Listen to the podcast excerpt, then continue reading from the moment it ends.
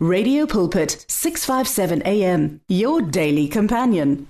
Hello, happy happy festive season to you. My name is Pastor Kenny Mokoena and it's time for you to experience the blessing. Father, we just want to thank you for this time of festive.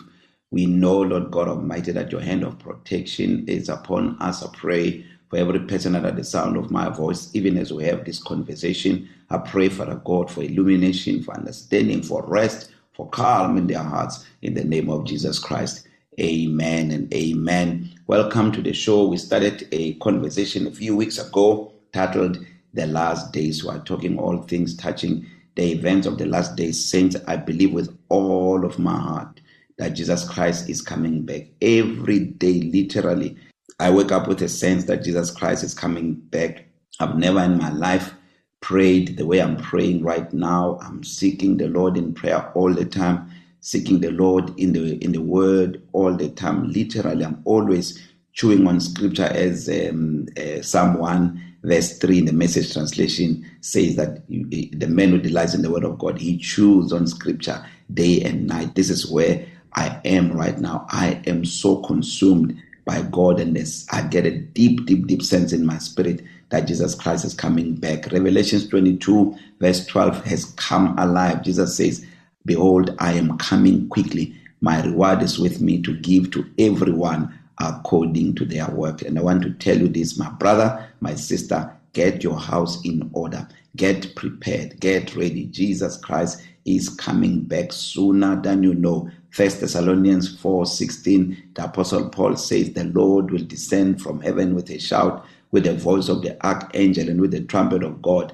The dead in Christ will rise first, and then we who are alive shall be caught up together with them in the clouds to meet the Lord in the air, and so shall we ever be with the Lord. This is what we call the rapture. The word rapture does not appear in the scriptures, but this is exactly what it means to be raptured. It means the Lord will say, Come up here. And those who have died in Christ will hear that voice. And then we who are alive and remain shall be caught up with those who have died in Christ, and together we will meet in the clouds. The dead and the living will meet in the clouds. I want to be on the side of the living, and then after that, we'll go up to the air to meet the Lord and we'll be with Him forever. That day is coming. Trust me, that day is coming, and you better be prepared for that day because those that are going to be left behind, there's going to be so much turmoil on earth that has never happened ever before since the world began. You know, when the rapture happened, let me give you an example. If the if if the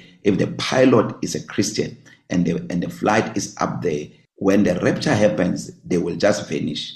Now the flight, the, the aeroplane or the jet, whatever, it will see where it goes. There will be so much chaos. Imagine how many Christians are on the road as you are listening to this. When the rapture happens, they don't stop and park on the side. It will happen in a twinkle of an eye. There will be chaos, and this is something that is going to be happening in the whole world, not just in one part of the world, the whole world there's going to be so much chaos. And this is how the Antichrist will come into the scene. The world will be so chaotic all the people who are occupying strategic positions right now in government, in corporations, and so on, all of a sudden they have disappeared. Nothing is working. The wisdom that God is displaying on the earth right now using Christians, all of them have, have vanished, they are gone. And now all the good is no longer there.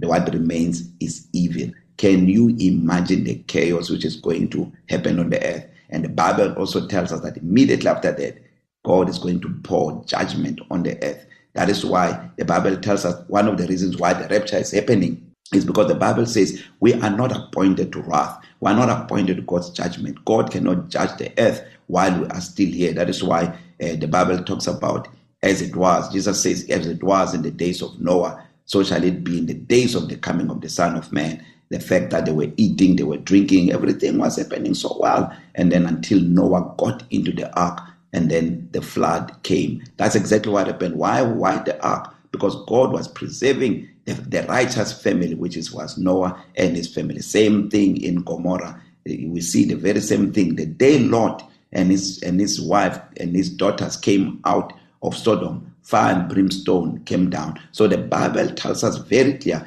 that the rapture happens so that God can pour judgment. Remember in the days of Noah, It was God who, who, who poured judgment because they, there was so much evil and wickedness. And it's the same thing that we see also in, in, in when it comes to Sodom. God was destroying the wickedness that was in Sodom and took the children, the, the children of the, the Lord and his family out because the Bible calls Lord righteous Lord. So exactly that is going to happen as you see lawlessness abounding on earth right now. So much wickedness. I mean, there's never been a time time in history where there is so much wickedness out there. That is why you hear so much preaching of the of the gospel of grace right now because the Bible says when iniquity abounds grace will abound much more. And we see God dispensing His grace, but I'm telling you, the earth is groaning so much with birth pangs. It's communicating a message, the weather, everything is pointing to the fact that Jesus Christ is coming back. And if you are listening to this, I want you to know the Son of God is coming back, it's already at the door. So the, the scripture that we've been using for this message is um, First John 2, verse 18 and 19. It says, Little children, it is the last hour. And as you have heard that the Antichrist is coming, even now many Antichrists have come, by which we know that it is the last hour. And then verse 19 says, They went out from us, but they were not of us. For if they had been of us, they would have continued with us, but they went out that they might be made manifest that none of them were of us. So, what we have been saying here is the fact that the Antichrist will come to fix or enclose and in, in open and close event inverted commas to fix the chaos that will be happening on the earth. This will be the stage for him to come in because the world will be chaotic after the Christians are gone. Listen, don't doubt this as I'm as I'm saying to you. Maybe you've never heard this before. Trust me, the rapture is coming. Jesus, even in Luke 21, talks about this. He says, pray that your flight is not in winter. Why is he saying that? He's saying that your flight, that flight means when we are when we are taken up. The Apostle Paul talks about this in the book of First Corinthians chapter 15, when he talks about the fact that we shall be changed in a twinkle of an eye. He says, This mortality will put on immortality and we shall be changed, and death will be swallowed up in victory. This is when we are raptured. Our bodies will be transformed in an instant boom, and we're out of here. And when that happens, the world will become chaotic. If you have never seen evil, I promise you, imagine with no trace of good um, uh, remaining, because what makes people good is the Holy Spirit in us. That is why Romans 8, verse 9 says, If any person does not have the Spirit of Christ, that person is not his. Why? Because we cannot be good apart from the Holy Spirit.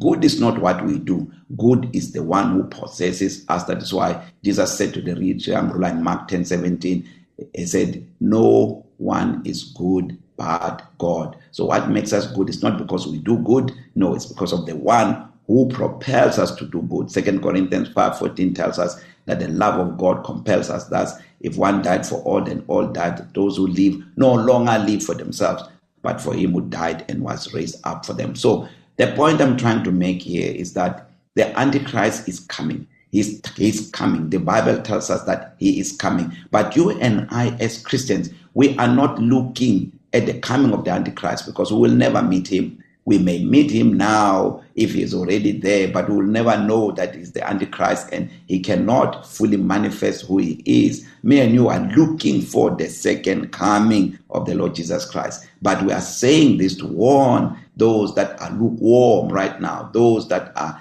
are distracted right now with so much that is happening. Remember, the Bible tells us something very powerful in the book of um, um, I think it's Amos 8, verse 11. Amos 8, verse 11. That in the last days, God will cause a hunger for the word of God, that people will travel to and fro seeking the word of God and they will not find it. Those days are coming for those who are on this earth, especially those that are lukewarm Christians. Let me give you a perfect example. Let's say you are an online believer, you are not living for God, and you become cold without even realizing that you are cold because you will see as we continue with this message that the Bible says that in the last days, people will love only themselves and their money. They will love pleasure. They will love their comfort, but they will still have a form of godliness. They will still have a form of Christianity, but their Christianity is so weak. Their Christianity is so shaky. They do not even know why they call themselves Christians. Because I promise you, if you are find yourself you are an online member of a church, so all you do is to give your tithes but you are not participating in the activities of that church. You are not helping anyone. You know, you are so distracted. You you are not partaking in what God is doing in any ministry. You are in danger of becoming of becoming deceived. And these are some of the people. I'm not saying that everyone who's watching